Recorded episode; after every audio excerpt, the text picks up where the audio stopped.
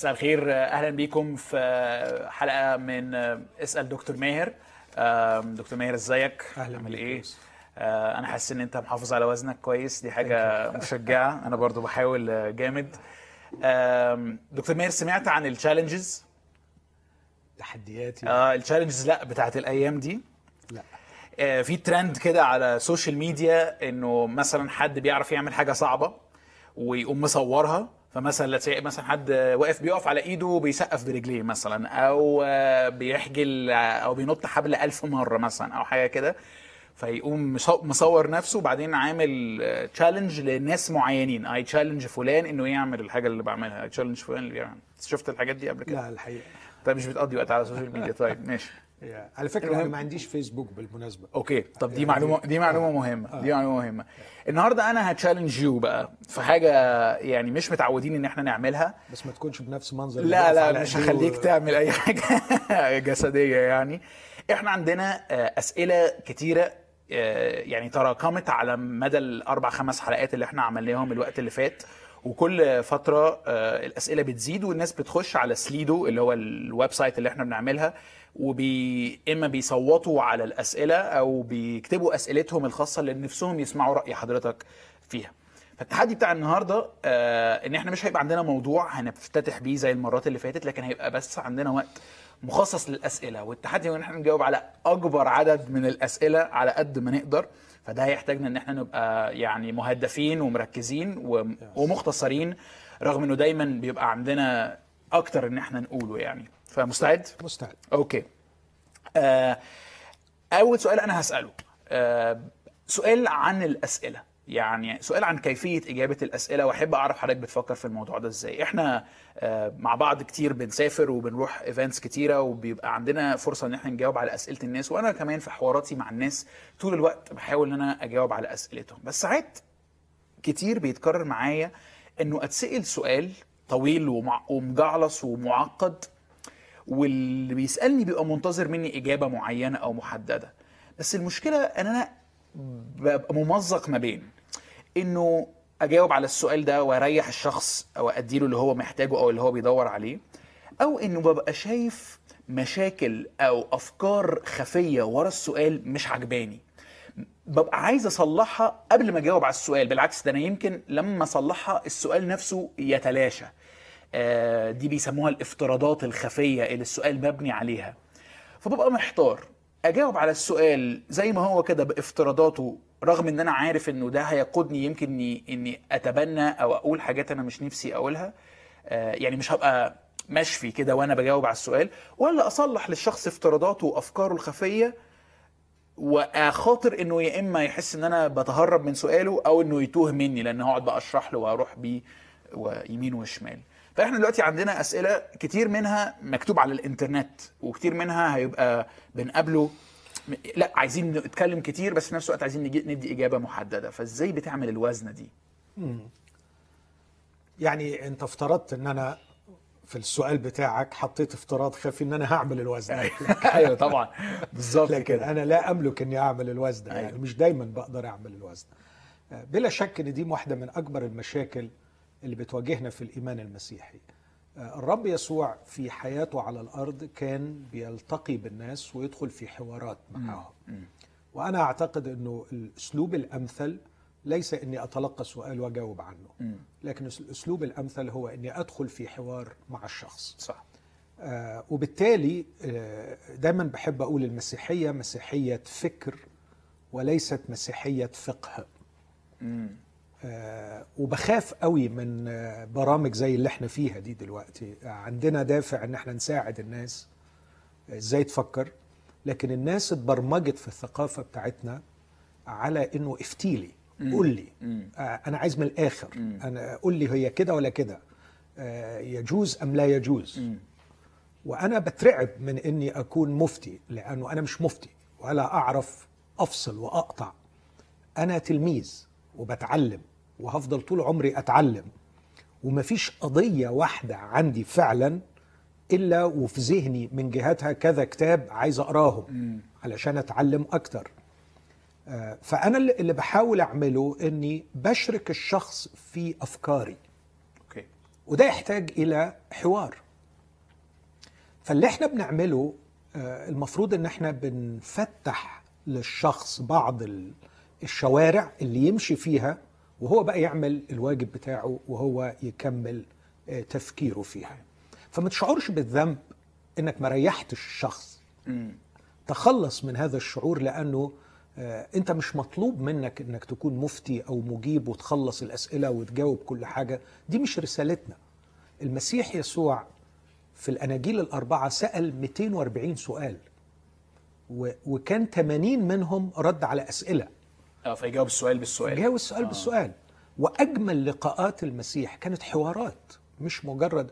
وعلى فكرة ناس كتيرة جات وسألته سؤال وقدم لها إجابة. أنت نفسك دلوقتي لو لو سمعت الإجابة دي آه، تقول إيه اللي بيقوله يسوع ده؟ آه يعني ف فأنا أعتقد إن الرب كان بيتحدى الفكر. آه، ما كانش بيريح الناس لكن بيستثير فكرها لكي ما تفكر. آه، واضعين في الاعتبار. إنه مش إحنا بس اللي ربنا هيستخدمنا للتعامل مع الناس دي. صح. ربنا هيستعمل أشخاص آخرين وهيستعمل ظروف مختلفة وروح الله نفسه بيجاهد مع كل شخص علشان يوصله للحقيقه أوكي. أوكي.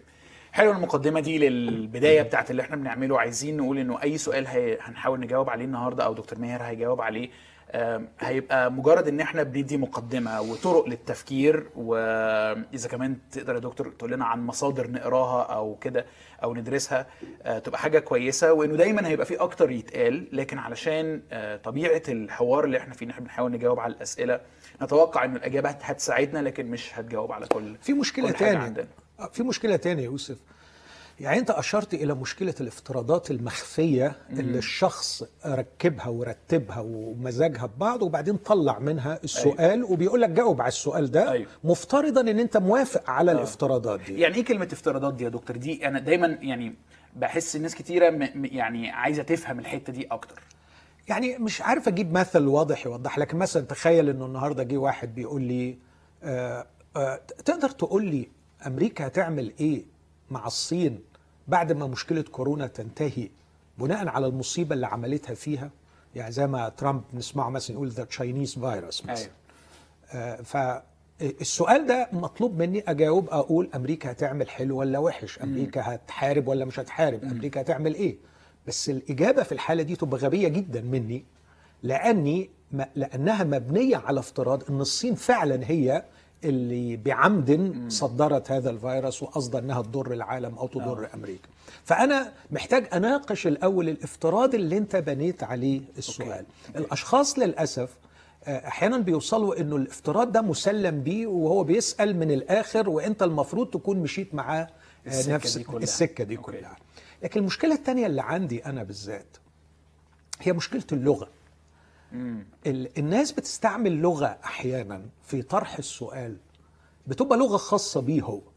هو فاهم الحاجات بالمنظر ده هو فاهم انه الأمور يتعبر عنها بالمصطلح ده أو بالمفردات دي. آه، وأنا من الناحية الثانية بسبب الدراسة العلمية واللاهوتية والنفسية المفردات أخذت معاني تاني أخذت آه، مفاهيم مختلفة.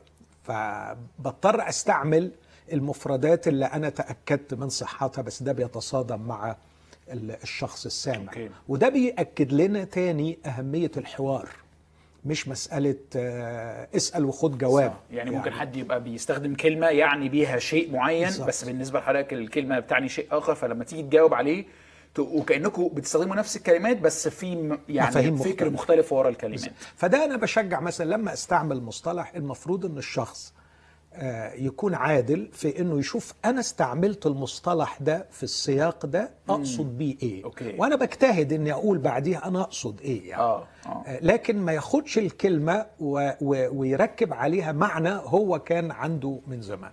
okay okay. طب بما إن إحنا في الحتة دي يعني أنا مثلا مرة كنت بسمع حضرتك في برنامج قريب وسمعتك بتتكلم استخدمت مصطلح الأديان السماوية. و...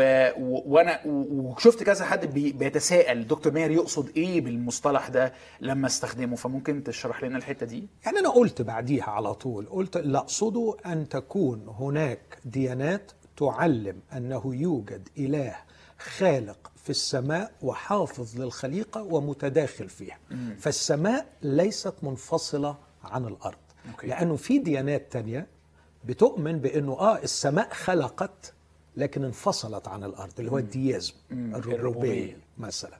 أو في ديانات بتقول لا ما فيش حاجة اسمها سماء وأرض. هو الله والكون وكله حاجة واحدة ال pantheism آه زي مثلا البوذية مثلا. مثلا okay. البوذية مش قوي لكن كتير من الديانات الشرقية okay. ماشية في الاتجاه ده. لكن هناك ديانات تعلم بأنه يوجد إله في السماء. خلق العالم و و وبعد أن خلقه يحفظه وله سلطان عليه ويتداخل فيه. okay. آه، يعني ده ده ده اللي اقصده ل- للأسف التعبير اللي بتوصف به هذه الديانات في اللغة الإنجليزية أخطر. يسموها theistic religions الديانات الإلهية. okay. ف- فيمكن السماوية تبقى ارحب يعني هي الفكرة إنه أن تشير إلى وجود إله في السماء خلق والشخص المتدين بهذا الدين يؤمن بوجوده ويؤمن أنه ليس فقط خلق لكن متداخل أيضا في الكون. okay okay. بس يا دكتور ماهر للتوضيح ده وخلينا على طول آه نبتدي في الأسئلة اللي بعتوها لنا المشاهدين عشان نبقى بس عارفين ال- الطريقة اللي بنعمل بيها الأسئلة. آه إحنا عندنا website اسمها سليدو بتقدر تخش تدخل عليها كود اسمه Ask Dr. Maher وهتلاقي مئات الأسئلة موجودة. ف آه، وكتير من الأوقات هتبقى السؤال عند اللي عند حضرتك أو عند حضرتك يعني حد سأله قبل كده بس يمكن بصياغة مختلفة. الأفضل إن إحنا نتحد مع بعض ونصوت على السؤال اللي إحنا عايزينه يتجاوب بدل ما نكتب سؤال جديد. ف لأنه أكتر أسئلة بياخد تاخد votes هي الأسئلة اللي إحنا هنبتدي بيها والمرة الجاية هيبقى عندنا أسئلة تانية آه، هنسألها بعد الموضوع بتاعنا. أسأل السؤال كما كتب وأحاول آه، آه، أوصله بأسئلة تانية اتسألت وأنا أضيف عليه برضه. الله كلي العدل والصلاح. فاصلة شخص ملحد يملك من الأخلاق والمحبة إلخ ما يملكه المؤمن المسيحي؟ ولم يسمع عن المسيح ومات. هل عدالة الله تسمح بأن لا يحصل على الحياة الأبدية؟ طبعا ال- ال- المكان للسؤال محدود فيمكن الشخص بيحاول يختصر علشان يعبر عن كل اللي هو عايزه. غالبا هو بيحاول يقول أنا عارف ان ربنا عادل وكلي الصلاح وعارف إنه في ناس ملحدين كتير عندهم أخلاق ومحبة وما إلى ذلك من الحاجات اللي المفروض المسيحيين الحقيقيين تبقى عندهم. هل بقى من العدل إنه الله الكلي الصلاح ده يبص على هذا الشخص ويقول له عشان أنت مش مسيحي مالكش حياة أبدية؟ يعني طبعا كم الحاجات اللي محتاجة تتفك هنا أيوه الافتراضات بقى آه يعني. وال والتعبيرات ال- يعني مثلا الشخص اللي بيقول الحياة الأبدية مم. يقصد مثلا الحياة إلى الأبد في حين إنه في العهد الجديد الحياة إلى الأبد غير الحياة الأبدية مثلا okay okay آه، برضو فكرة الأخلاق والمحبة آه، إحنا محتاجين نقعد حلقة نعرف ما هي الأخلاق وما هي المحبة. مم. ولما أنت قلت إن عنده أخلاق وعنده محبة تقصد إيه بالظبط؟ وبعدين لما بيقول مش موجودة عند المؤمن المسيحي ما هو تعريف المؤمن المسيحي؟ أيوه. يعني برضو دي كلمة مطاطة جدا وفي جوه دايرة الإيمان المسيحي أشكال وأصناف ملهمش حياة أبدية لم يولدوا من الله صح. وهم في داخل الإيمان ف... صح. يعني أو ده اللي كنا بنقوله في البداية إنك محتاج تفك حاجات كتيرة ولكن خليني أقول لك فكرتين أو ثلاثة أقولهم للشخص وهو يكمل. آه يكمل ويفكر فيهم آه هو بدأ بأن الله كلي العدل صح وأنا فعلا يعني آه، أحب إن إحنا نبدأ بالبداية دي إنه آه، أطمنه إنه ديان كل الأرض حاشا له أن لا يصنع العدل ادي لك مثال واحد لما بيتكلم عن دينونة الله في النهاية أقرأ من مزمور 96 مزمور 96 يقول الكلمات دي عن الله. آه، أنا يعني آه، في آيات كتير قوي بس ده كان النهارده كنت بقرأه فلفت نظري آه، في الأمر ده. بيقول في عدد عشرة قولوا بين الأمم. الرب قد ملك. أيضا تثبتت المسكونة فلا تتزعزع. بص العبارة دي يدين الشعوب بالاستقامة. وبعدين عدد 13 أمام الرب لأنه جاء ليدين الأرض. يدين المسكونة بالعدل والشعوب بأمانته. واضح إن وصف دينونة الله بثلاث صفات هنا. الصفة الأول الاستقامة okay. بعدين العدل وبعدين بالأمانة. الاستقامة تيجي في الترجمات الإنجليزية equity مساواة. okay. لا يحابي بوجه لا يحابي بعرق لا يحابي بدين. آه ده مبدأ واضح كل الوضوح. حتى الرسول بطرس في حادثة كرنيليوس أكد عليه. بطرس كان عنده محاباة دينية ومش عايز يروح لكرنيليوس وربنا وراله يعني رؤية قوية جدا. ومع هذا ما كانش عايز يروح. ولما راح ودخل عند الناس نكد عليهم في الأول يعني. صح.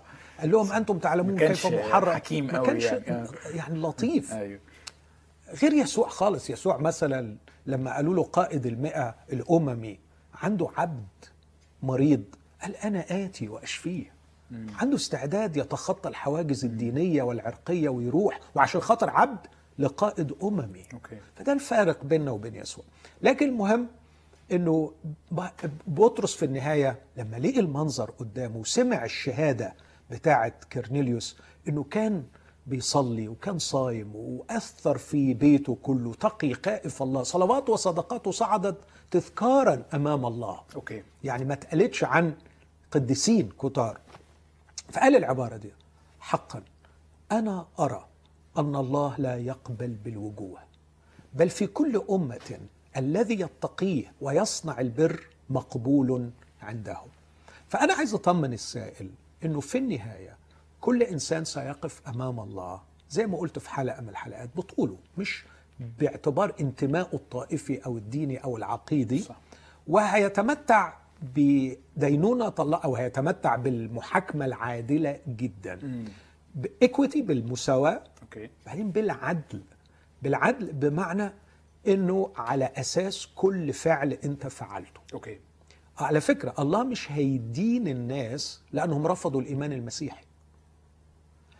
لأنه الإيمان المسيحي مقدم للإنسان لإنقاذه من الدينونة لكن الدينونة هي على الأعمال الشريرة. آه أوكي. لا معلش قولها تاني دي حلوة دي يا دكتور لأنه آه. ال- الاتهام دايما إنه أي حد مش هيؤمن باللي أنتوا بتؤمنوه ده هيدان صح هيدان آه. ليه آه. لأنه اتقدم له العلاج ورفضه آه. طب المشكلة معاك هتحلها إزاي okay ف... كانه في أصلا إدانة موجودة بالظبط. والحل مقدم ورفض الحل هو اللي بي يثب يعني يقول لك يمكث عليه غضب الله آه آه قد دين لأنه okay. لم يؤمن باسم ابن الله الوحيد okay. فهو الدينونة already موجودة لكن عندنا عشرات الآيات مثلا رومية 2 يقول لك دينونة الله العادلة الذي سيجازي كل واحد حسب أعماله. فالدينونة حسب الأعمال. أوكي. المنظر الأخير في رؤية عشرين فتحت أصفار ودين الناس بحسب ما هو مكتوب في هذه الأصفار بحسب أعمالهم. فالدينونة دائما هي على أعمال الشخص وتصرفاته وليس على عقيدته أو إيمانه. الدينونة على أعمال الشخص بس مش ال... مش عكس مش الخلاص اللي مش بعمله. الخلاص آه. الخلاص بالمسيح. و و وال والخلاص والمسيح أو الإيمان بالمسيح مقدم للشخص عشان ينجيه من الدينونة اللي على أعماله. okay. لأنه okay. المسيح مات من أجله. okay. آه. فبالاست... بالاستقامة وبالعدل وبالأمانة. بالأمانة بقى يعني بالحق. بالحق يعني إيه؟ ودي شيء رائع. أتذكر يعني في الفلسفة إيمانويل كانت الفيلسوف الكبير لما كان بيعمل argument محاجة إنه يا جماعة حتى لو ما فيش الله لازم آه لازم نعيش كأن الله موجود. أيوة. وإلا الحضارة هتنهار. وكان ليه محاجة يعني عبقرية. فمن ضمن الحاجات قال لك إحنا لو ما فيش عدل الدنيا هتنهار. بس إحنا شايفين إنه مفيش عدل في الدنيا. فلازم نؤمن بوجود كائن فوق العالم فوق الطبيعي. أوكي. وبعدين ابتدى يحط مواصفات للكائن ده. فمن ضمن المواصفات اللي حطها قال لك لازم الكائن ده يكون حكيم للغاية بحيث يقدر يوصل لحقيقة كل فعل. يعني لما يجي يوزن فعل معين آه، يحط الدوافع يحط الظروف اللي كان الشخص فيها. لأنه ممكن قوي أنت تعمل عمل معين تت- تتحاسب عليه وفي شخص بسيط ما عندوش تعليم ما عندوش ما عندوش ما عندوش يمكن العمل ده برضه يكون غصب عنه. أيوه. فبيقول لك بالأمانة بالحق يعني سيفحص كل عمل في أعمق أعماقه ليصل إلى جذوره بحيث إنه لما يدين يكون عادل في دينونته ففكرة إنه ربنا بيعامل كل أو بيح... بيدين كل الناس بالاستقامة أو بالمساواة مش معناها إن هو بيساويهم من غير أي نوع من أنواع التقييم؟ مفيش محاباة. okay. مفيش محاباة بس قصدي كمان في تقدير للظروف. الخارجية ونشأة الشخص وهو جاي مستوى منين. تفكيره. البيئة اللي رب اتربى okay. فيها ظروفه أوكي أديان كل الأرض لا يصنع عدلا فمش هت مش هتاخد حظوة عندي وأفوت لك أخطاء لأنك تنتمي إلى المسيحية أو تنتمي إلى هذا الدين دي المساواة أيوه بس العكس بقى هنا السؤال بقى بيحاول يضغط علينا ويقول إنه طيب نفترض إنه في شخص آه، أعماله حسنة إنه بيحاول يبقى شخص صالح بيحاول يدي فلوسه للفقراء بيحاول يصنع آه، خيرا في هذا العالم بس مش مقتنع بما يقدمه المسيح أو رفضه. يعني ليه؟ أوكي. يعني خليني أساعد بفكرة تاني هنا أنه معظم معظم فعلا. يعني أقول مثلا ما عملتش دراسة لكن 95% من الملحدين اللي قابلتهم بما أنه بيسأل عن ملحد. أيوه. رافضين الدين وليس الله. okay. الناس دي اتعقدت من الدين والمتدينين. لاعتبارات كتير. شافت أشياء في أخلاق المتدينين طفشتهم من الدين. أو شافت طرح ديني معين لا يحترم العقل ولا يحترم حتى ال common sense الحس الذوق العام يعني. فكتير من الملحدين اللي بيسموا روحهم ملحدين هم رافضين الدين وليسوا رافضين الله. آه، ممكن تلاقيهم في أعمق اعماقهم في الداخل لديهم عطش شديد جدا لله ولديهم احترام معين لكائن مش عارفين اسمه. أوكي. للدرجة التي أزعم مع بعضهم يعني. إنه أكاد اتصور انهم في علاقة مع هذا الكائن لأنهم بيحترموه وبيقدروه جدا جواهم بس رافضين تماما أن يكون هذا الكائن هو الذي تتكلم عنه الأديان لأن الأديان قدمت لهم صورة أوكي. معينة عن هذا الإله. يعني من شوية لما بت- بتسألني عن موضوع الأديان السماوية. فأنا بقول لك إن الديانات تؤمن إنه في إله آه، في السماء خلق. بس بعد كده الكارثة الكبير طب إيه صورة الله ده بقى؟ مين هو الله ده بقى؟ تسمع بقى العجب العجاب في هذا الإله. أيوة. فيجي واحد مفكر يقول لك أنا الإله ده ما يلزمنيش وما أحبوش. صح. آه، أنت عارف إن المسيحيين قعدوا حوالي قرنين من الزمان أو أقل شوية يتسموا ملحدين. وك صح. وكانوا ال- المدافعين عن الإيمان المسيحي زي جاستن مارتير وغيره لما يقدموا دفاعهم وإيريناوس القديس يقولوا أول حاجة دفعوا إن إحنا مش ملحدين. ليه كانوا بيتسموا ملحدين؟ لأنهم كانوا ك- كفره بزيوس صح. أو كفره بالقيصر. ولا كان عندهم أي معابد بيروحوها ولا. طقوس دينية آه، ذبائح مثلا بيذبحوها وهكذا. بالظبط. بس كانوا يقولوا قول قيصر رب. يقول لك لا قيصر مش رب. يا عم هو قيصر هو الرب. تصور هذا الوثني عن الإله انحصر فيه قيصر. فلو أنت رافض الإيمان بقيصر يبقى أنت ملحد. أوكي. فكانوا بيتسموا المسيحيين ملحدين فعايز أقول المسألة مش بالبساطة والسطحية إنك بتردد عبارات وتردد صح. كام كلمة صح. وتقول أنا كده بقيت مؤمن واللي ما بيؤمنش بيهم أوكي. يبقى ملحد ال- المسألة أعمق من كده فالموضوع وأعقد. معقد ونعتمد فقط على الله اللي هو الوحيد اللي يرى بالحق كل دواخل الأشياء وفي نفس الوقت هيدين بالاستقامة والعدل تمام أضيف بس حتة صغيرة أؤمن كل الإيمان براحة. ويقين في داخلي. إنه لا يوجد إنسان يحرم من معاملات الله بصفة مستمرة. الله يتعامل مع كل إنسان. ليقتاده إلى التوبة. يقول له لطف الله وإمهاله وطول أناته إنما يقتادك إلى التوبة. أوكي. فأنا أؤمن أن الله بيتعامل مع كل شخص في صحوه وفي نومه. يتعامل بالإحسان ويتعامل بالإمهال.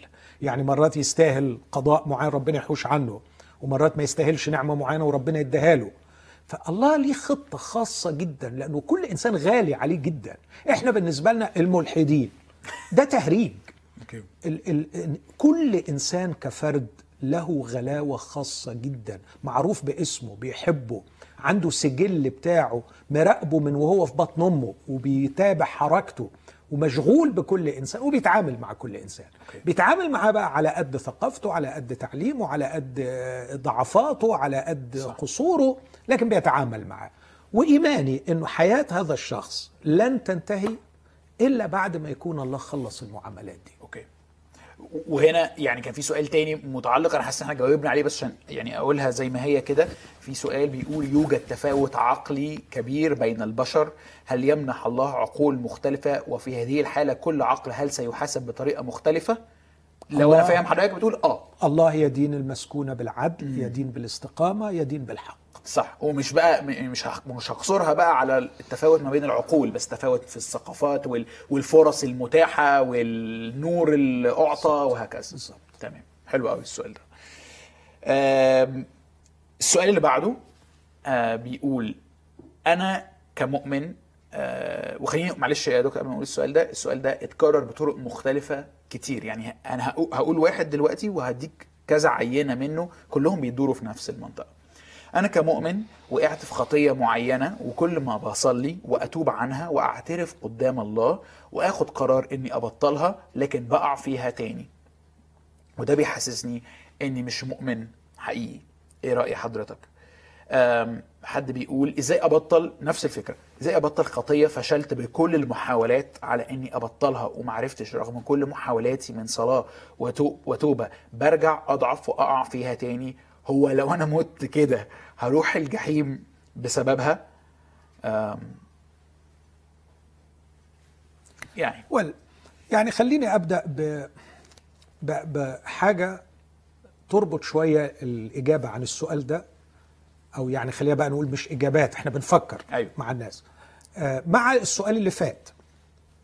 لأنه السؤال اللي فات لما أتكلم عن واحد وهو بيسميه ملحد أو ملحد آه، قال إنه في أخلاقيات وفي محبة.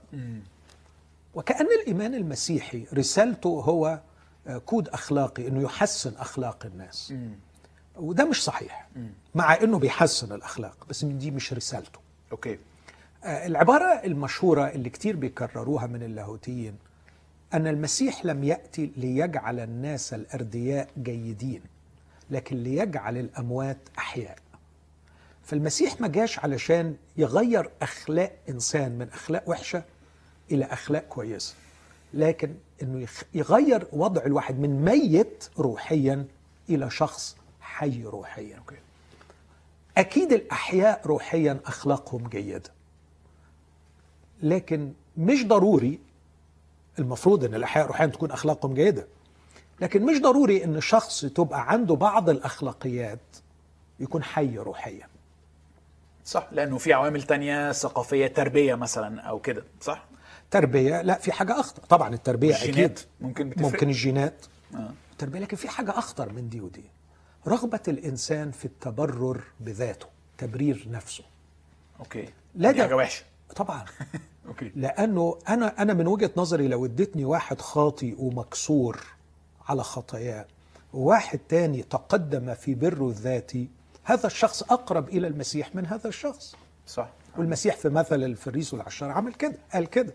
فخلينا أقول إنه مر... كل إنسان في داخلنا لديه شعور بإنه خاطئ مهما حاول يهرب من الأمر ده. okay. عنده شعور إنه خاطئ وعنده شعور إنه لازم يكون أفضل.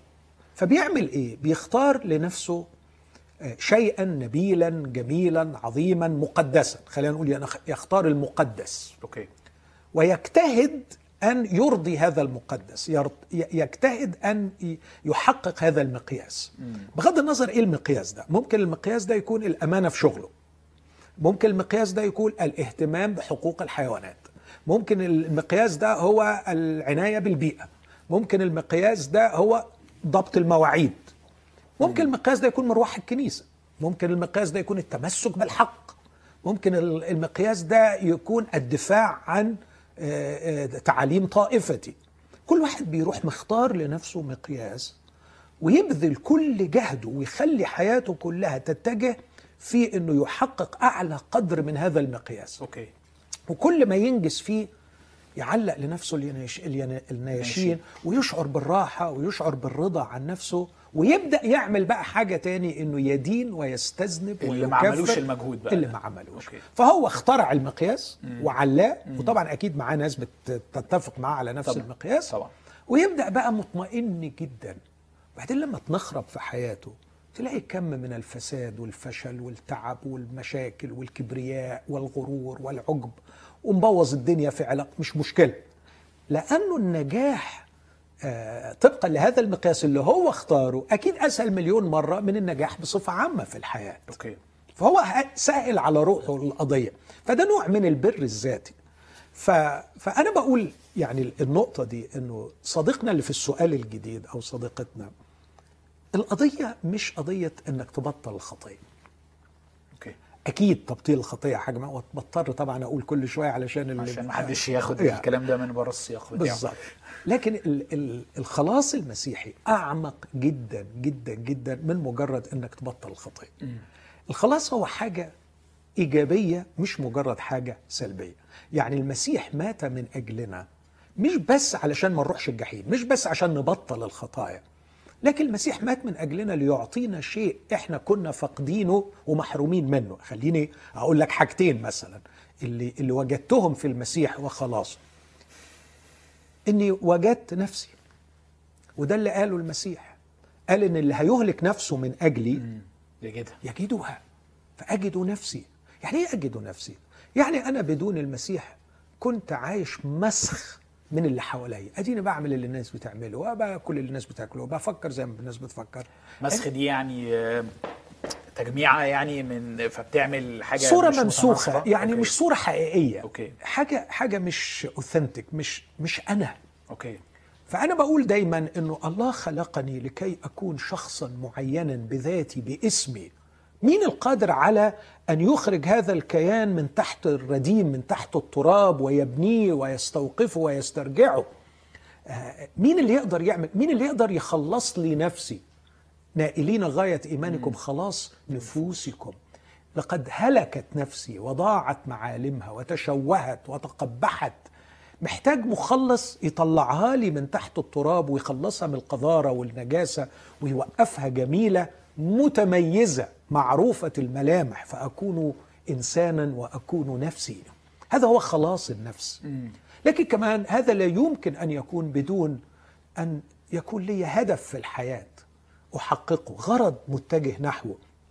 هذا هو خلاص المسيح. خلاص المسيح إنه يخلص لي نفسي ويقودني نحو الغرض. ودي رحلة طويلة المسيح بياخدني فيها. كتير من اللي قبلوا الخلاص سمع الرسالة؟ في مؤتمر أو في كنيسة أو من قائد ديني إنه يا ابني اقبل المسيح عشان ما تروحش جهنم فخلاص هو مش عايز يروح جهنم آه، فعمل ال- الممارسات اللي طلبوها منه أو قال الصلوات اللي طلبوها منه عملها بس كل شوية شايف روحه بيعمل خطايا. فمشكلته دلوقتي إنه مش بيعمل خطايا. مشكلته انه هو رايح جهنم. ودي مشكلة. فهو منزعج جدا لأنه المفهوم عن الخلاص أصلا مفهوم خاطئ ال- ال- الخلاص رحلة تبعية ليسوع المسيح في رحلة طويلة ومشوار طويل بمشي معاه لكي يخلص نفسي من قبحها ولكي ما يسترد لي الغرض الذي خلقت من أجله. مش عارف أوصل له أنا مش عارف أنا عايش ليه. فأنا لا عارف روحي مين ولا عارف أنا موجود في الدنيا ليه. ده الخلاص. طيب يعني خليني أحاول إيه آه، أتخيل إنه الشخص ده قاعد معانا وبيسمع اللي حضرتك بتقوله هي هيتابع. داخليا عقليا فكريا هحاول أقتنع باللي حضرتك بتقوله إنه الخلاص أكبر من مجرد تخلصي من مجرد فعل أنا مدمنه أو شيء. لكن ما أكدبش عليك لو أنا مثلا أو لو حد مدمن للمواد الإباحية وبيمارس العادة السرية أكتر من مرة في اليوم ومش طايق نفسه وحاسس بالفشل الذريع مع كل توبة وكل محاولة إنه يقع تاني وبقاله سنين في الموضوع ده كأنه هيقول ممكن يقول حاجة من حاجتين يعني يقول لك يعني أنا عايز الستر ولا عايز آه، ألاقي نفسي ولا عايز غرض في الحياة أنا عايز بس أتخلص من الشعور الدائم بالإحساس بالذنب. وحتى لو تعديت النقطة دي إزاي ألاقي نفسي وأنا آه، شايف قبحي المستمر بسبب فشلي؟ وإزاي أحقق هدفي طالما أنا مش قادر أخرج بره أوضتي أصلا من كتر يعني يعني انغماسي في هذا الإدمان. فكلامك مشجع لكن على أرض الواقع لما أقوله لحد لسه أصلا مش عارف يبقى موتيفيتد أو محفز إنه يطلع بره أوضته قد يبان بعيد. بص يوسف عندي خطوات عملية كتير وأنا طبعا عندي حساسية لما ألاقي حد في الآخر يقول لي بص إديني خطوات عملية. أنا أنا ما بطيقش ال- الكلمة دي لكن هجتهد أدي خطوات عملية. لو نسيتهم فكرني إن ماشي، أنا أقول ماشي، ماشي. لكن أرجع تاني وأقول لو أنا جالي بقى الشخص ده وقال لي بص أنا عايز الستر أنا لا عايز أسترجع نفسي ولا عايز إن أنا ألاقي غرضي في الحياة أنا بس عايز أبطل دي. أقول له حبيبي يبقى يسوع ما يلزمكش. انت محتاج طبيب نفسي. على فكرة في برامج كتير تخليك تبطل الإدمان. روح اتبع برنامج ال 12 خطوة وإن شاء الله تبقى زي الفل. okay. لو هي لو هي دي أحلامك. okay. لو أقصى بس على فكرة يسوع ما جاش علشان بس يحرر الإنسان من الإدمان. أه. يسوع بيقول لي أنت ميت بالذنوب والخطايا. أنت مش إنسان. أنت فقدت إنسانيتك. وأنا جاي علشان أعطيك حياة. جاي علشان مش تاخد مني حرية تاخدني أنا تأكلني وتحيا بي. أما كل الذين قبلوه أعطاهم سلطان أن يصيروا أولاد الله. هي دي هي دي رسالة الإنجيل. إنه يبقى في مولودين ثانية ل ل ل يعني إتمام مشيئة الله وإتمام أمور عظيمة في الحياة. ما بقولش أمور عظيمة يعني إحنا هن- هن- هنعمل أعمال ونسوي الهوائل لكن تعيش حياة تستحق أن تعاش. إذا جه بيقول لي لا أنا ما يلزمنيش الكلام ده كله. أنا عايز بس مشاكلي تتحل وأبقى كويس وأبقى بني آدم محترم. أقول له ده أنت محتاج حد ياخد بإيدك ويساعدك ويعمل لك برنامج إصلاحي. وعلى فكرة في ناس كتير قوي بتدخل مصحات وبتطلع كويسه مش محتاجه يسوع. فأنت بتطلب نوع مختلف من الخلاص. غير غير النوع اللي كان جاي يسوع المسيح لكي يقدمه. بس ده ما يضر يعني قصدي مش ما يضرش. يعني حتى لو أنا عايز اللي حضرتك بتقوله أنا عايز يسوع آه، مش حرية هو بيديها. عدم وجود الحرية بيخليني مش قادر أقرب منه أو أوكي. اشوفه أو أستمتع بيه.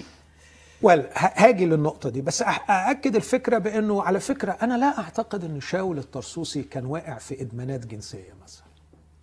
لأنه أنا بصدقه. وهو بيقول من جهة البر الذي في الناموس بلا لوم. ما أنا كانش كنت- بيبالغ يعني لا لا لا. كان بيقول كان, كان عايش عايش محترم عايش ملتزم عايش زي ما الناموس بيقول. بس قال لك ده لما لما لقيت المسيح حسبت البر نفاية مش الخطايا.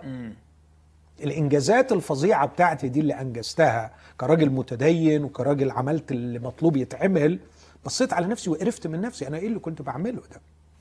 لكن أنا هفترض بقى افتراض مختلف شوية. يمكن يساعد صديقنا. وإن كنت خايف عليه برضه لكن هفترض. هفترض إنه لأ. ده كان عنده جوع روحي حقيقي للخلاص. ده كان فعلا عنده شوق حقيقي ليسوع المخلص وارتبط بيسوع المخلص وخد حياة حقيقية لكن للأسف لسه بيصارع مع الخطايا. أساعده إزاي؟ وده يمكن اللي أنت عايزه. بس okay. خليني أقول بعض الحاجات. الحاجة الأولانية مثلا أنت زانق روحك في الخطية دي. okay. بس في أسس للخطية دي ما تعاملتش معاها خالص وما قربتش عندها. خلينا ادي لك مثالين أو ثلاثة okay. يقصد إيه بالأسس؟ الأسس اللي هي مخلياك مستعبد للخطية okay. أو مرتبك فيها. زي إيه خلينا مثلا أبدأ أقول هو الناس بتعمل خطية ليه يا جو ليه الناس بتعمل خطية؟ أنا بسألك. عشان آه، حلوة أو ممتعة؟ ممتعة okay. عشان ممتعة. آه. يعني هل مثلا عمرك تخيلت واحد بيقول خلينا أسألك سؤال تاني. طب ليه الناس بتروح الشغل؟ عشان تاكل عيش؟ واجب مسؤولية. فلوس. آه بالظبط. مسؤولية. مش كده؟ أه. ما اعتقدش إن في حد أنت مثلا تتخيله إنه قام الصبح قال يا فتاح يا عليم يا رزاق يا كريم ورانا شوية خطايا النهارده لازم نعملهم غصب عننا ف it's duty يعني. آه. ما حدش بيعمل كده. صح. ما حدش بيبص للخطية على إنها واجب ينبغي إنه يعمل. يعمل آه. لكن الخطية بتتعمل عشان حاجة واحدة بس ممتعة. صح. أنا بتبسط. بتبسط لما بعملها.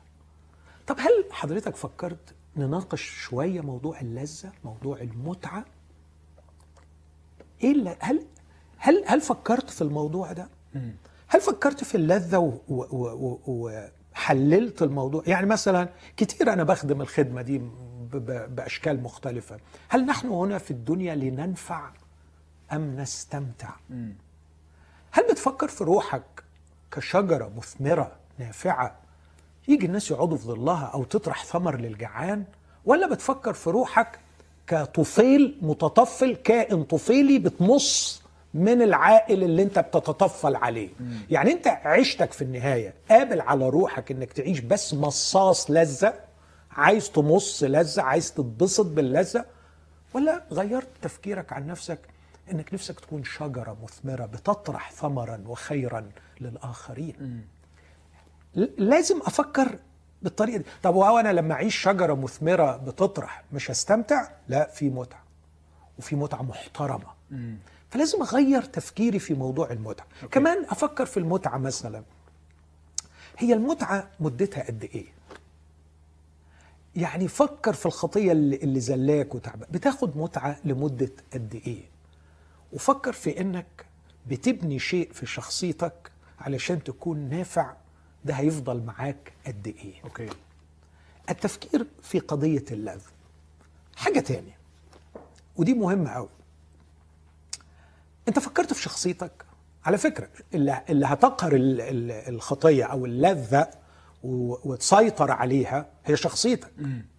وانت بتشتكي وبتقول أنا غلبان ومش قادر وضعيف وما عنديش إرادة. طب عملت أي حاجة حضرتك إنك تقوي الشخصية دي؟ اشتغلت عليها؟ تقول لي يعني إيه؟ توقع إنك تقول لي يعني إيه. أقول لك مثلا أنا عندي وعظة أو فكرة بقولها. بقول رأيت الناس يعيشون من أجل إدارة الانطباعات بدلا من إدارة الذات. آه يعني يدير الصورة اللي الناس بتستنتجها عنهم مش هم نفسهم. صح. أوكي. بص ما بيصرفش مليم إنجاز ليا. ما بيستثمرش جهد اطلاقا في إدارة الذات. إنه يعرف يقول لنفسه لا. لا مش هاكل كده. لا هبطل دي. لا هعمل رياضة. لا هنام في الميعاد الفلاني. لا هقرأ الكتاب الفلاني. أنت عارف إن واحدة من أقوى يعني سمات الذكاء الاجتماعي self regulation إنك تكون بتعرف تنظم وتدير نفسك. واللي ما يعرفش يدير نفسه الكتاب قال عنه ده مدينة منهدمة بلا سور إنسان ليس له سلطان على روحه وده فيما يختص بحياتي كلها مش بس بالفرع اللي أنا بصارع فيه ده. لكن مثلا بصحى إمتى باكل إيه بلعب رياضة وما بلعبش بذاكر بنظم وقتي يعني بلعب video games قد إيه كل الحاجات دي واحد بت- بتشكل نوع الشخص اللي ينفع يقاوم أو ما يقاومش. بالظبط. فأنت زعلان من روحك وجاي تشتكي لي وعايز حل سهل كده سحري بص أنا واقع من الخط في الخطية دي. وأنتوا بقى بتوع ربنا وبتقولوا إن ربنا زعلان من الخطية دي. يلا بقى لا نجيب- ويقدر يحررك منها. آه ويقدر يحررك منها. يلا بقى قول لي. أنا عايز أتحرر. يا حبيبي أنت اللي هتتحرر. حضرتك مش حتة قالب طوب. يعني مش ربنا هيجي يشيل ويحط فيك. أنت بني آدم. ربنا عايز يطور لك شخصية تتحرر. أوكي. فتكون إنسانا حرا وليس يعني صخرة تم تحريرها. okay. فرق كبير قوي بإنك تكون شايف نفسك عبارة عن آه، حيوان آه، اتقبض عليه وحبسوه في الشبكة لكن في واحد كويس وطيب جه وراح مطلعه من الشبكة. وبين إن ربنا يطور لك شخصية تتحرر تكون إنسانا حرا. okay. مثلا النقطة دي في غاية قد إيه إنفاق جهد في إدارة الانطباعات بدلا من إدارة الذات أو بقولها بلغة تانية الاستثمار في الصورة آه. بدلا من الاستثمار في الشخصية okay فلو حد بيستثمر في صورته قدام الناس أكتر ما بيستثمر في شخصيته ده عرضة ضعيف. إنه يفضل ده لازم ضعيف. هيفضل. ضعيف okay مش هيقدر ابدا يقاوم إيه أستثمر في الشخصية يعني إيه برضو مثلا يعني مثلا أنت في البيت آه، في علاقة مع شريك الحياة ولا علاقة مع في الكنيسة آه، مش بتبسطك إيه إيه رد الفعل بتاعك قدام العلاقات اللي مش بتبسطك بقلبه أيوة. ده ده. بقلبه طبعا ال ال مش اللي مش. اللي ما إيه مش مهم. اللي ما يدلعنا يخسر دلعنا حاجة كده. آه خلاص ما بالظبط أنا اوجع. دماغي ليه آه. وأنا بتاع طب يا حبيب قلبي خلاص هتفضل طول عمرك شخص فاشل. Yeah. مش هتعرف تنضج في إدارة العلاقات. صح. لكن لما بتحاول تسمع الشخص كويس وتحاول تتفهم هي إيه نقاط ضعفه وبعدين تفكر وتقول طب أنا محتاج أساعده في إيه؟ وأنا محتاج أتطور أنا في إيه عشان أقدر اساعد هو ده الإيمان المسيحي. okay طيب هقول جملة قولي موافق عليها ولا لأ. sorry إن إحنا مطولين في الموضوع ده لأ بس هو فعلا في ناس كتيرة سائله فيه. الجملة الآتية. إذا عندك مشكلة مثلا مع الإدمان الجنسي أو إدمان كده آه، إدمان أي شيء تاني حاول إنك تطور نفسك بصفة عامة ما تتحبسش في الحتة دي طور شخصيتك استثمر فيها وفي ذاتك وفي إدارتك للحياة وسيب دي على جنب شوية وهتلاقي نفسك مع الوقت عارف إنك تطلع منها تدريجيا. دي, دي قمة جبل الجليد يا يوسف. الحاجات دي كل الم- الخطايا والحاجات دي دي قمة جبل الجليد. أنا ال ال ال اللي بقوله okay. روح أعمق. فاكر لما كنت بعرف التوبة وأقول التوبة ليست الامتناع عن الفعل الغلط أيوه. لكن تغيير العقل الرابط وراء الفعل. الخطا أنت عندك مفهوم خاطئ عن اللذة. أيوه. محتاج تظبطه. إيه أنواع اللذة في الدنيا؟ okay. وإيه اللي وهل أنت مخلوق عشان بس تستمتع؟ okay. ولا عشان حاجة تاني مفهومك عن الشخصية. هل أنت عايز تبقى حجر يتم تحريره؟ ولا عايز تبقى إنسان حر والله يشتغل على شخصيتك ويطورك. في بقى حاجات كتيرة كت- جدا من ده ممكن نتكلم فيها اللي هي أعتبرها الأساسيات اللي بيقول عنها الرسول تغيروا عن شكلكم بتجديد. أذهانكم. مش بالامتناع عن هذا الفعل تجديد الذهن الرابط وراء هذا الفعل. okay. طيب هقول آخر تعليق وبرضه هقول لي حضرتك موافق ولا لأ.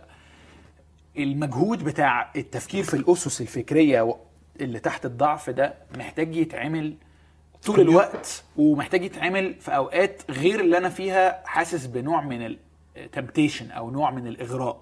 لأن أنا مرة قريت إنه وقت ما الواحد بيبقى يعني خلاص يعني قرب إنه يقع بيحصل آه، إنه ال- ال frontal cortex بتاعه الجزء الأمامي من مخه اللي بيفكر في الأفكار الواعية اللي هو بيحاول يعقلني ويقول لي الصح والغلط بيتلغي في الوقت ده. فاللي بيبقى كسبان هنا هو الغريزة الجنسية أو الغريزة ال- أيوه. عارف ليه بيتلغي؟ أيوة. لأنه ضعيف.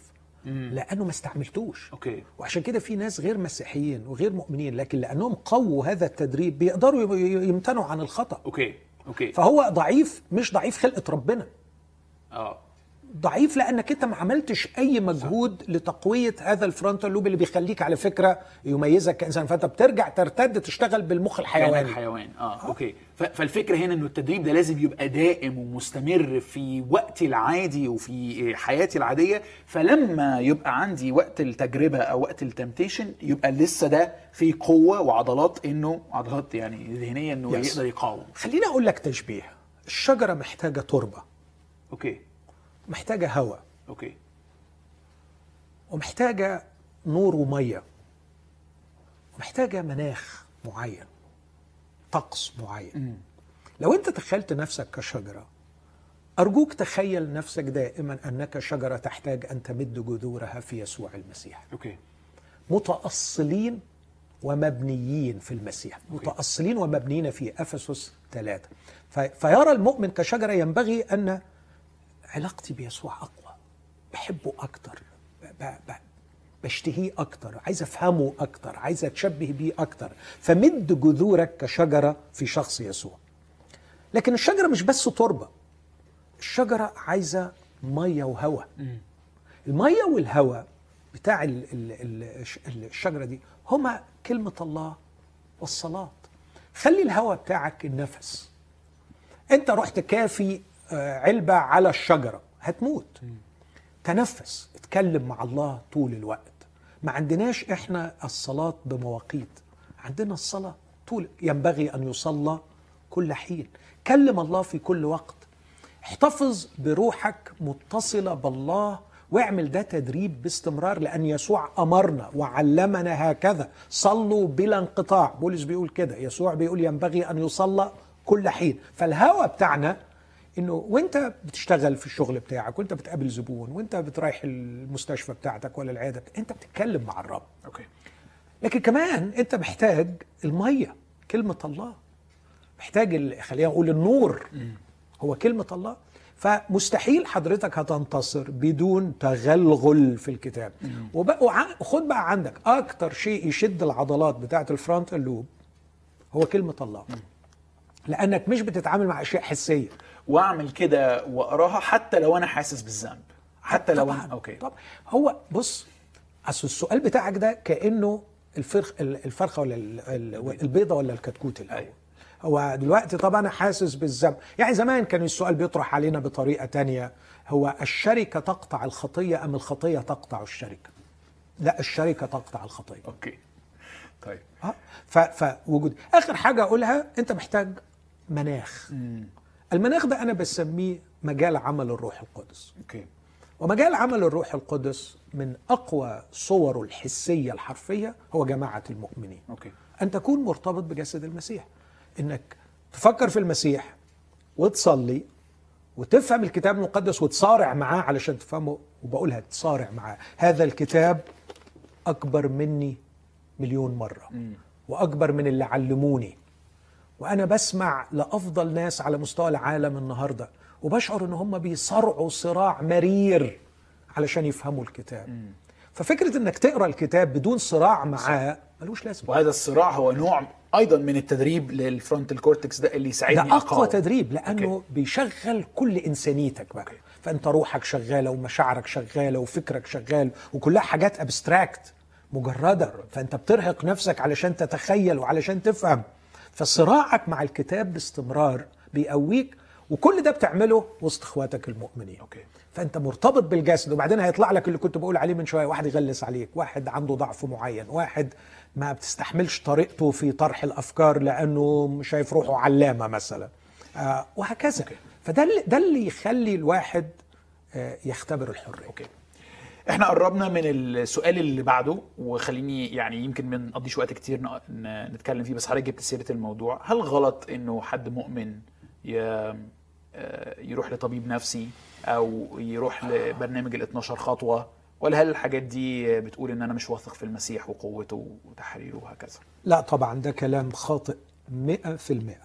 نحن نحتاج للطب بصفة عامة ونحتاج للطب النفسي بصفة خاصة. لو برنامج ال 12 خطوة هيساعدك أرجوك روح okay. و و واستعمله والتزم بيه وهيساعدك.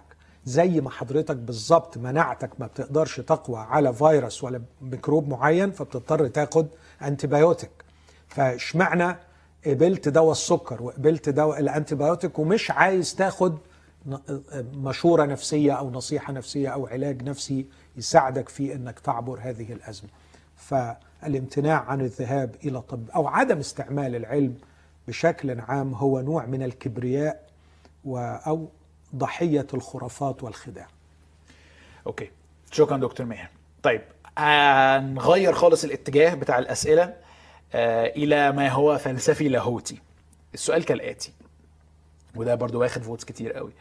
إذا كان الإنسان لا يختار وجوده من البداية فلماذا لا يكون هناك إمكانية للفناء الأبدي لمن لا يرغب في الحياة؟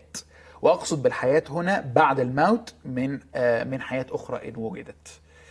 يعني أظن السؤال واضح بس يعني ليه ربنا يحطنا في المكان ده ومن غير ما نختار وفجأة علينا يا إما نختاره أو انفصال عن- عنه والانفصال ده حتى لو مش هنوصفه بإن هو نار بتشوشو الناس لكن هو شيء بشع في ننفصل عن الله وكل حاجة حلوة بيديها. ليه ما ينفعش مجرد يعني نتوقف عن الوجود نفنى وخلاص؟ يعني ده واحد من أصعب الأسئلة طبعا اللي, اللي بتحيرني واللي أنا نفسي صارعت معاها كتير قوي زمان. آه، سواء في فترة إلحادي وقبل مجيء المسيح أو بعد ما جيت للمسيح وما زلت بصارع معاها بس عايز أقول ال- الجزء الأولاني منها الرد عليه سهل هو الجزء الثاني هو اللي صعب. أنا لم أختار وجودي. على فكرة لو ما فيش ربنا وأنت ما اتخلقتش أنت جاي نتيجة التطور برضو أنت ما اخترتش. فيعني لو أنت منتج من الله أو منتج من التطور في الحالتين أنت ما. اخترتش. أنت لقيت روحك في الوضع اللي أنت فيه ده. صح. آه، من الناحية التانية بقى هل آه، الله يرى إنه إكرام الإنسان وتقديره للإنسان هو إنه ما يحاسبهوش على أفعاله أو يس- يفنيه أو يسيبه يفنى. ده سؤال أنا يعني مش عارف أجاوب عليه بالمنطق لكن ثقتي في صلاح الله وحكمته إنه لا يفعل شرا ولا يؤذي. يجعلني أقول إنه ما يعلنه الكتاب عن أبدية الإنسان لا يمكن يتعارض مع صلاح الله وحكمته. بس هنا ممكن ترجع لي بسؤال يمكن أنت تتكسف تساله لي فأنا هساله طب وأنت فاهم كل حاجة عن أبدية الإنسان؟ أقول لك للأسف لا مش فاهم. يعني ال- ال- الكتاب آه، لم يتكلم بتفصيلات كثيرة من وجهة نظري. طبعا ناس كتير هتقول لا ده في تفصيلات كتير وهم فاهمينها. الله يبارك لهم ويوسع تخومهم. أنا بتكلم عن نفسي إن أنا فعلا آه، شعوري بإنه الكلام عن السماء والجحيم في تفصيلات كتير جدا مش موجودة. واللي اتقال يعني تحس إنه مكتوب بحكمة بحيث إنه ما يحولش اتجاهك وتفكيرك ناحيتهم عن الله. أوكي. ودايما بقول كده الله لم يقدم لنا حالتين يدعونا إلى واحدة منهم ويخيفنا بالأخرى لكن الله قدم لنا شخصه أوكي. الله مش بيقول لي بص السماء بتاعتي حلوة تعجبك تيجي عندي؟ لا الله بيقول لي أنا حلو أتحب. تقبلني أنا؟ الله يقدم نفسه وليس سماؤه. والله عندما يخيفنا يخيفنا من البعد عنه لأن في البعد عنه شر ومر. يقول لها اعلمي أن تركك الرب إلهك شر ومر. أوكي. مش لأنه لو ما جيتش معايا هعذبك. أكيد في عذاب. أكيد في عذاب. خلاص؟ واضحة؟ واضحة. أكيد في عذاب. أيوة. وأكيد في جحيم. بس اللي أنا بقوله إنه رسالتنا وما يقدمه الكتاب المقدس لا يقدم حالتين لكن يقدم نفسه. هل أنا أقبل؟ هل أنا أحب؟ هل أنا أطلب؟ فعشان كده أنا مش عارف أقول للشخص إيه لكن عايز أقول له أكيد ربنا شايف إنك تقبل المسيح مخلص أحسن مليون مرة من إنك تتلاشى وتفنى أوكي. طيب إحنا لسه برضو في نفس الخط اللاهوتي ده. آه، حد بيسأل كيف أعرف وأفحص وأتأكد إن كنت مخلص أو لا؟ لأني عندما أسمع غالبا هو السؤال مش كامل بس يعني أنا غالبا هعرف أكمله. لأني عندما أسمع مؤمنين يتكلموا يكونوا متأكدين من خلاصهم. هو السؤال واقف كده. بس يعني خلينا نقول ده حد كأنه عايز عايز يطمن. عايز يطمن هو واقف فين مع ربنا. يعني إيه المعيار اللي أنا فيه بيه أقدر أحكم على نفسي أنا كنت أنا مخلص أو لا؟ بالذات عارف يا دكتور ال- الايه ال- ال- أو ال- النص المسيح بيقولوا إنه في ناس كتير هيقولوا له يا رب يا رب. وبعدين يقول لهم أنا ما عرفتكمش.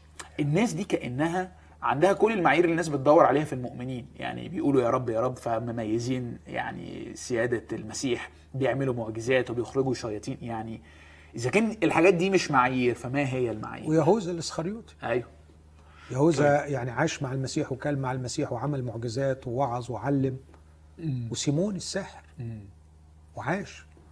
و و والرب يسوع لما أعطى مثل الزارع قال إن في ناس كتير يؤمنون إلى حين. okay. فيعني إيمانهم لفترة مؤقتة. okay. فطبعا يعني أنا شايف إنه آه، خوف في محله. آه، خليني أعدي معاك على رسالة يوحنا الأولى. لو بصيت معايا في رسالة يوحنا الأولى تلاقي إجابة إلى حد ما يعني طبعا مش هنقول بتفصيل لكن أعتقد إن يوحنا وهو كان بيكتب الرسالة دي كان في ذهنه السؤال. السؤال ده. فمثلا بص بيقول إيه في عدد ستة من أصاح واحد؟ إن قلنا إن لنا شركة معه وسلكنا في الظلمة نكذب ولسنا نعمل الحق. ولكن إن سلكنا في النور كما هو في النور فلنا شركة بعضنا مع بعض. ودم يسوع المسيح ابنه يطهرنا من كل خطية. أول علامة تميز المخلصين الحقيقيين إنهم سالكين في النور. يعني إيه سالكين في النور ده؟ يعني مش بتاع يخبي. okay. بيكره إنه يخبي يكره الوشين يكره الرياء يكره إنه يبقى عايش حياة في الخفاء بشيء وفي العلن بشيء تاني. إذا أنت شايف روحك عايش double life عايش حياتين ومش قادر تطلع اللي في الخفاء للنور ما بقولش أفعال خاطئة. أوكي. لأنه هنا بيقول إن سلكنا في الظلمة. أيوة. يعني عيشتك كلها اللي قدام الناس في الكنايس غير خالص اللي أنت عايشها في وسط زملاتك ووسط أصحابك وفي وسط عيلتك. لا ده ده ده أكبر دليل دليل انه okay. مفيش حياة. okay. فدي أول حاجة. عدم السلوك في النور أو بقى السلوك في النور. السلوك في النور بقى أنا ما بحبش أخبي. ولما أقعد مع إخواتي المهم أقول لهم على فكرة أنا نيلت الدنيا أنا عملت كذا أنا أنا واقع أنا غلطان أنا مش عارف أعمل إيه. هي مش معناها إنك ما ما بتقعش في الخطية بس معناها إنك لما بتقع مش بتخبي. وعشان كده بص بيقول إيه إن سلكنا في النور كما هو في النور. لاحظ مش بيقول كما هو نور. امم صح.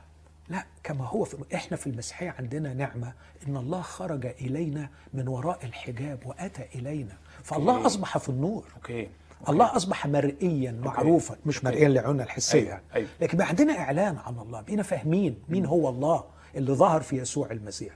فالله في المسيحية خرج من وراء ظلمة قدس الأقداس اللي كان مظلم. okay. خرج إلى النور. الكلمة صار جسدا وحل بيننا. فالله بقي في النور ومكون community أو مجموع جماعة إيمان يعيشوا في النور. في النور. بأنهم مفتوحين لبعض وبيقولوا على مش بيخبوا عن بعض بحكمة طبعا. وبس يعني ما فيش مش منهج حياتي إن أنا أعيش double life okay. بعدين بيقول لو أنت عشت كده هيحصل حاجتين رائعتين. الحاجة الأولانية يا دوب ساعتها تعرف تعمل علاقات حقيقية مع أخواتك المؤمنين. نشاركها مع بعضنا البعض مم. عمرك ما هتدوق طعم البوند والشركة الحقيقية طول ما أنت ما طلعتش الحقيقي بتاعك مم. أنت بتصدر لي صورة فأنا في علاقة مع الصورة وبسيب الغلبان اللي جوه بيموت من العطش نفسه في علاقة بس عمره ما خد مني شيء لأنه مصدر لي صورة. لو أنت عايزني أحبك اطلع لي أوكي وريني انت الحقيقي. فيبقى في هتستمتع بأعظم نعمة إنه هيبقى في شركة حقيقية. لكن كمان هتبان أخطائك. بس ما تخافش. ودم يسوع المسيح ابنه طهرنا يطهرنا من كل خطية. من كل خطيه فدي فدي العلامة الأولى. العلامة الثانية أصحاح اثنين عدد ثلاثة. وبهذا نعرف أننا قد عرفناه لو عايز تعرف إنك مخالف بهذا نعرف أننا قد عرفنا. إيه بقى؟ إن حفظنا وصاياه أوكي. بص لا أدعي ولا أزعم ابدا إن أنا بطيع الرب في كل صغيرة وكبيرة.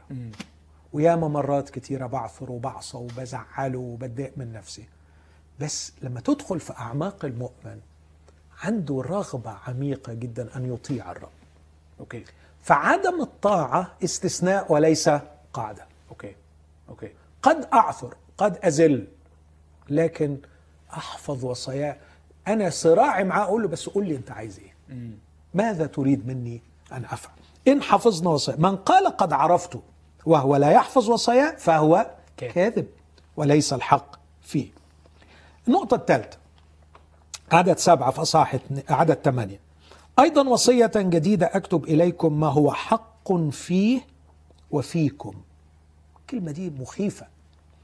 أن الظلم قد مضت والنور الحقيقي الآن يضيء.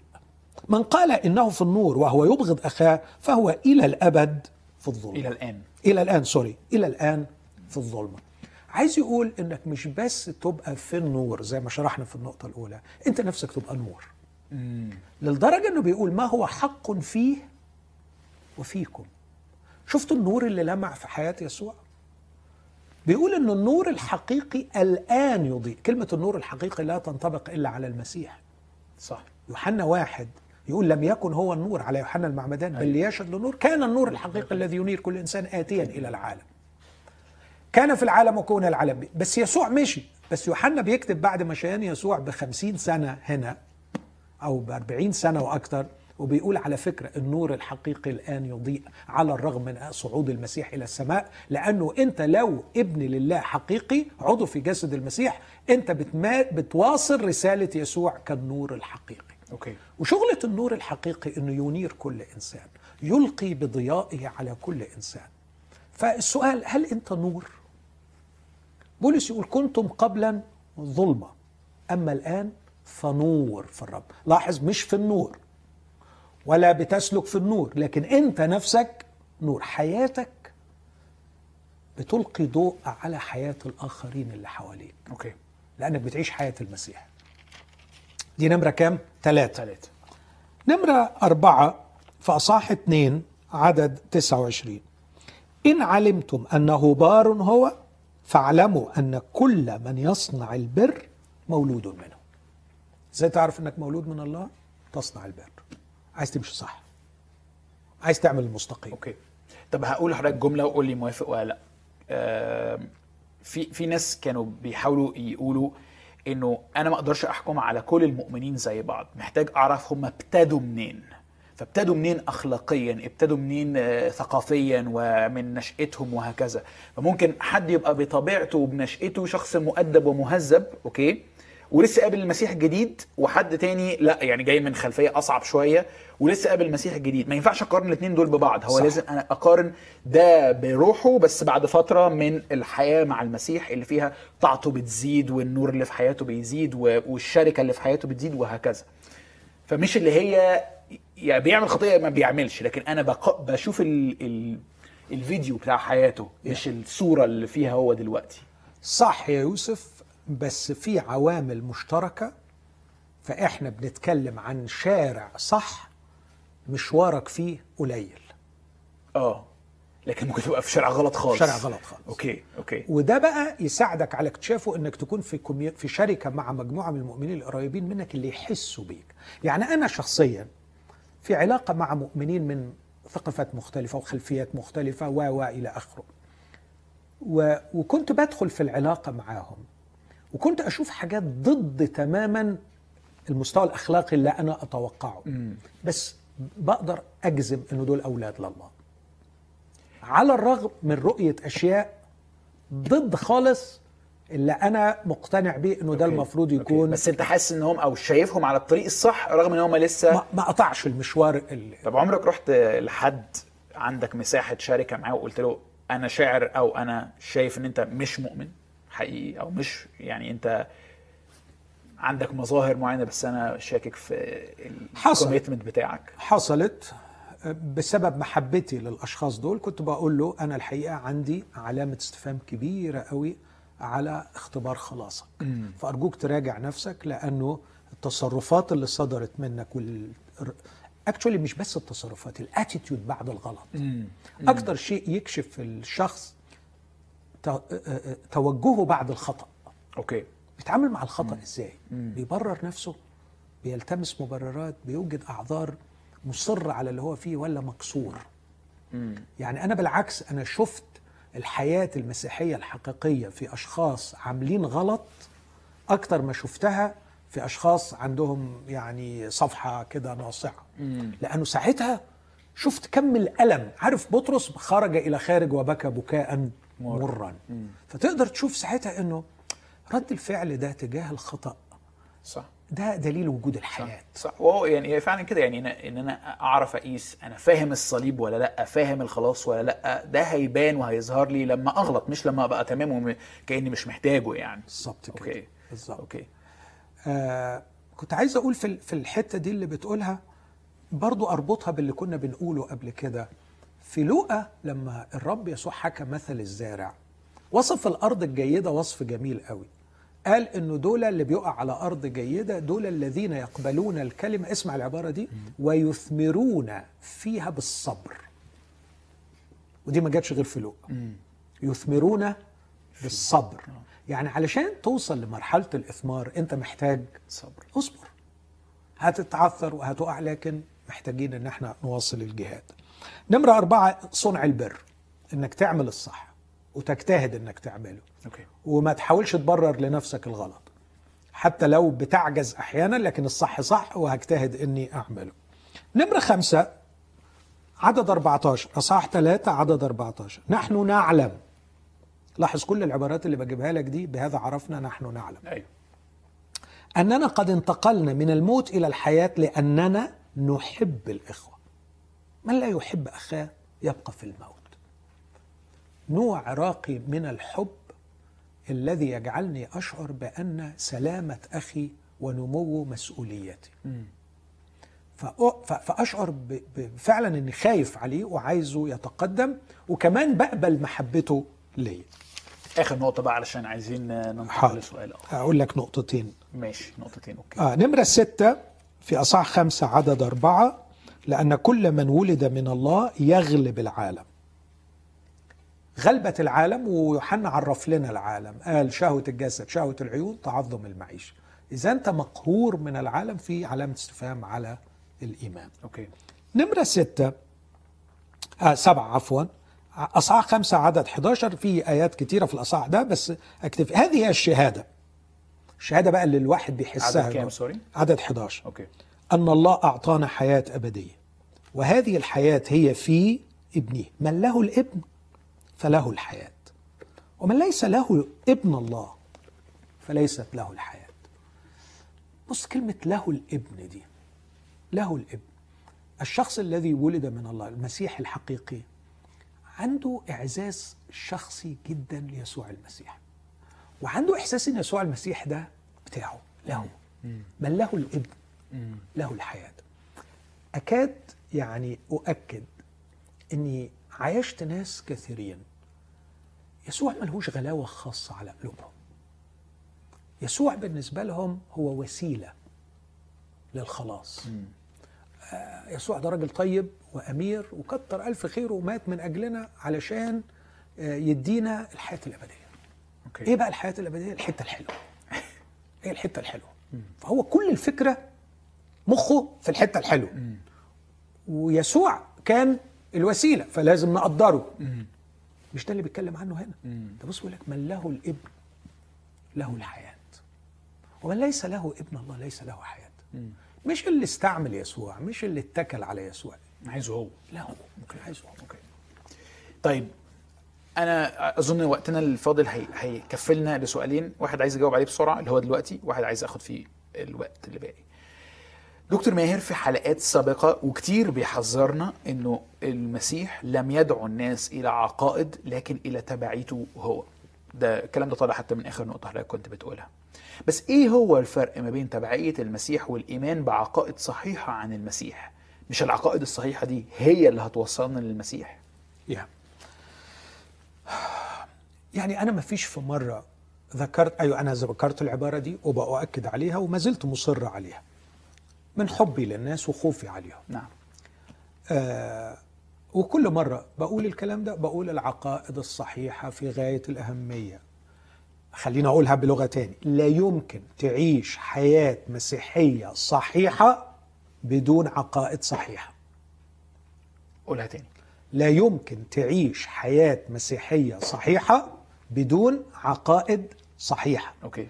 لكن من الممكن أن تكون لديك كل العقائد الصحيحة وليس لك حياة بالمرة. واضح. أتمنى. okay. يعني في فرق كبير قوي يا يوسف بين المسيحية وبين الديانات الأخرى. وعشان كده في كتير من اللاهوتيين بيرفضوا فكرة إنها ديانة. صح. بيرفضوا التعبير ده نفسه. آه. صح. ليه؟ لأن أنا بتساءل من زمان بتساءل. ممكن على فكرة في وعظة ليا ممكن يعني يشوفها. كيف تصير مسيحيا حقيقيا؟ أوكي. آه بقول إنه أنت علشان تكون مثلا يهودي محتاج تعمل إيه؟ مش محتاج تعمل محتاج تتولد من بيت يهودي أو تختتن وخلاص على كده. ففعل جسدي وانتماء لشعب عشان تكون بوذي. تعمل إيه؟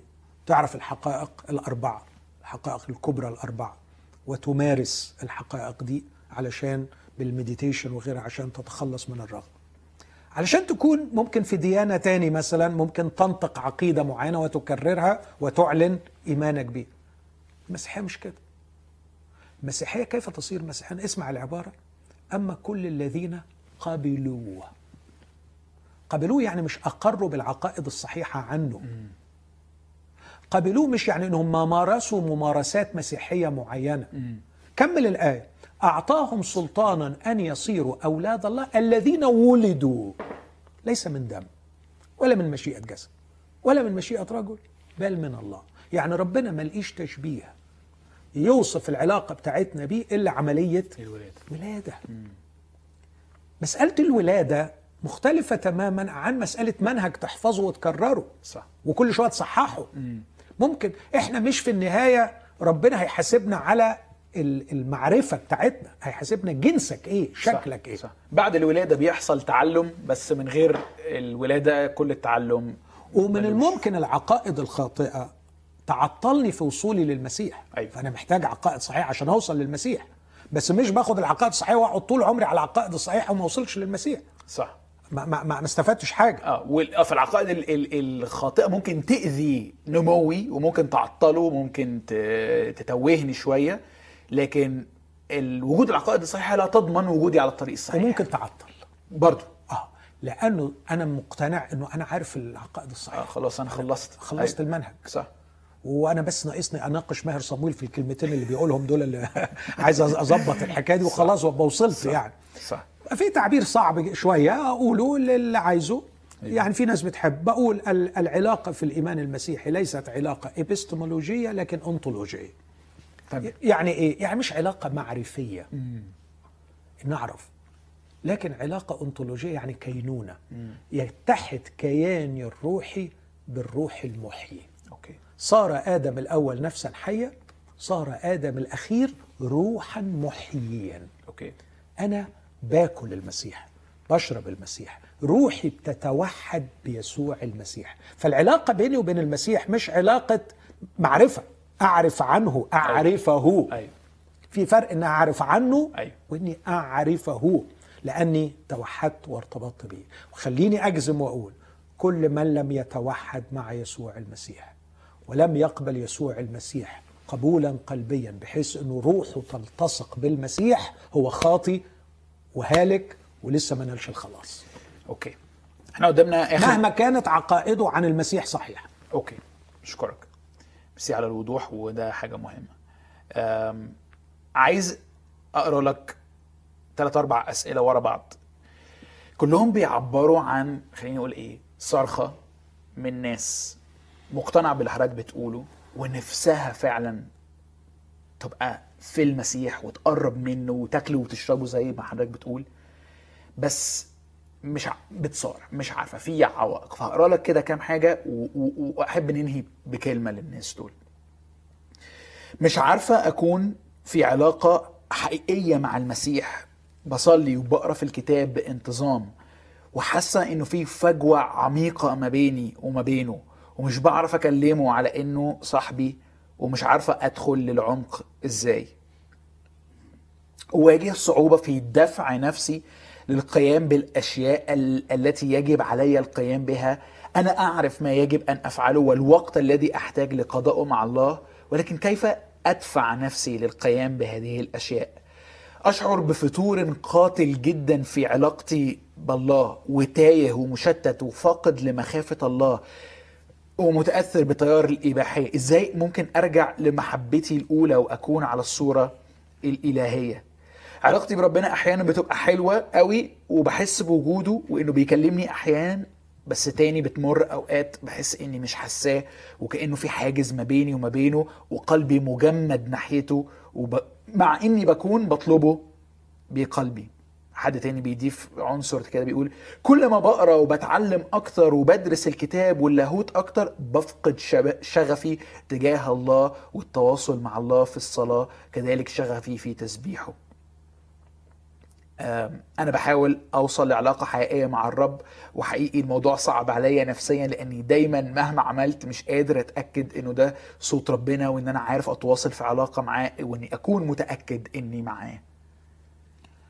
أوكي. يعني خلينا أقول آه، يعني هم في اختلافات بينهم وبين طبعا بعض بس في آه. يعني خط. خيط ماشي فيهم كلهم. أعتقد إنه اللي اتقال من أول الحلقة مهم للأشخاص دول. صح. لازم يعني يرجعوا يبصوا على يرجعوا كل حاجة لكل حاجة وأكيد هم لو متابعينا دلوقتي هيلاقوا إن في حاجات كتيرة خبطت فيهم لأنه كلام كتير قوي من اللي قلته ينفع ليهم. اللي أضيفه هو حاجة أو حاجتين. الحاجة الأولانية عايزين نفرق ما بين ال mood وتأثيره وما بين القلب وتوجهاته. بمعنى إنه مرات كتير قوي يبقى ال mood بتاعنا down هابط. ما عنديش طاقة أعمل أي حاجة روحية. بس ده مش لفتور روحي لكن ده ال mood نفسه. okay. ال mood ده مرتبط يعني آه، ممكن بالدورة الهرمونية عند البنت.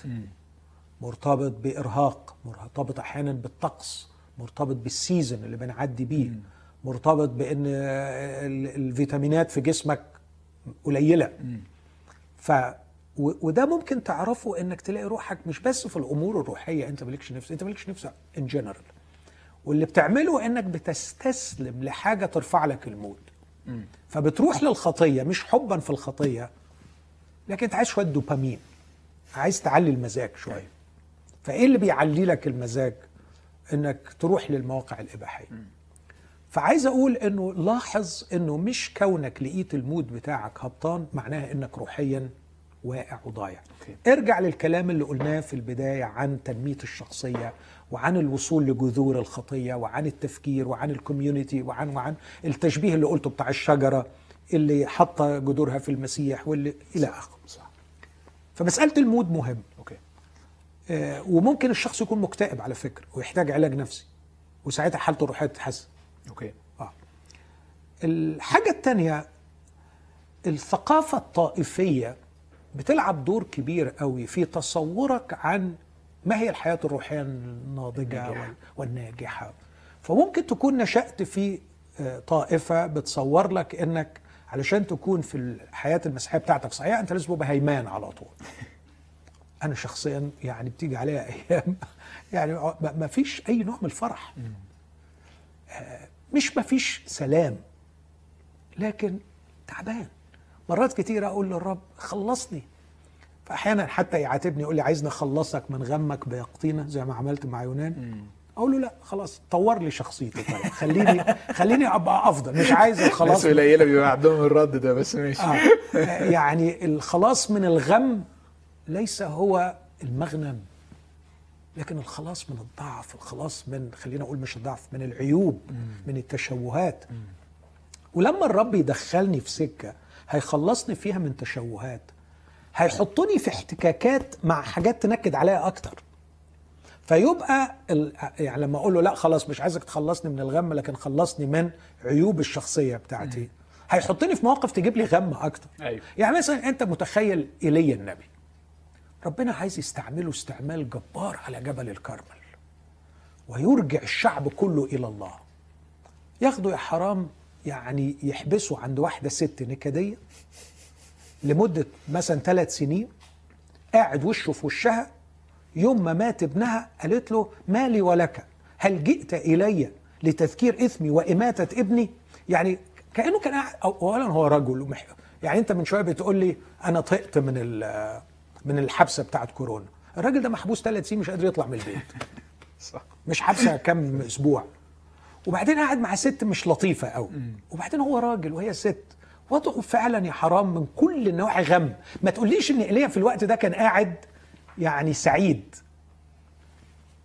وعارف لما تقول له هل جئت إلي؟ يعني كأنه بتقول له دخلتك عليا كانت دخله نكد. أنت من يوم ما دخلت بيتي وجالي ال- جات لي المشاكل مع إنه هو كان سبب خير ليه لكن الخلاصة إنه هو راح للرب وقال له يا رب حتى إلى المرأة التي أنا نازل عندها قد أسأت إليها بإماتتك ابنها. يعني خلاص انفجر. بس ده كان أعظم إعداد لرجل الله اللي هيرجع الشعب كله إلى الله على جبل الكرمل ويجيب نار من السماء. فمرات تخليص أنت خد بالك بقى من الموقف بتاعه على جبل الكرمل هجيب نار. ده ما كانش ممكن يوصل له إلا لما راح للرب وقال له تحيي الولد. ده أيها الرب إلهي لترجع نفس هذا الولد إلي. فكان دي فترة إعداد فيها غم لكن فيها نجاح. okay. فمش كون معنى إن ال mood بتاعك مش هيمان ومش فرحان معناها إنك روحيا بتتقهقر أو بتتأخر. يعني نفسي أناقشك أكتر في السؤال ده بس إحنا عندنا آه، يعني نهاية الوقت بتاعتنا قربت. أشجع إن إحنا نحاول نسمع الحلقة دي أكتر من مرة علشان في حاجات كتير قوي محتاجين نعيد التفكير فيها ونتدرب عليها. والمرة الجاية ممكن نتكلم أكتر عن فكرة الفتور أو فكرة عدم الإحساس بوجود الله آه، في حياتنا. لكن آه، الأسبوع الجاي بالذات إحنا البرنامج بتاعنا مش هيبقى الساعة 4 لكن هيبقى الساعة 2 علشان ده هيبقى عندنا احتفالات للعيد. كل سنة وحضراتكم طيبين رغم انه الظروف مختلفة وغير معتادة. لكن نصلي إنه ربنا يدينا فرصة إن إحنا نعرف نعيد اكتشاف الصلاة والقيامة. آه، يمكن والأوقات اللي مش عندنا فيها الحاجات اللي متعودين عليها هتبقى فرصة حلوة لإعادة اكتشافها. أشكركم.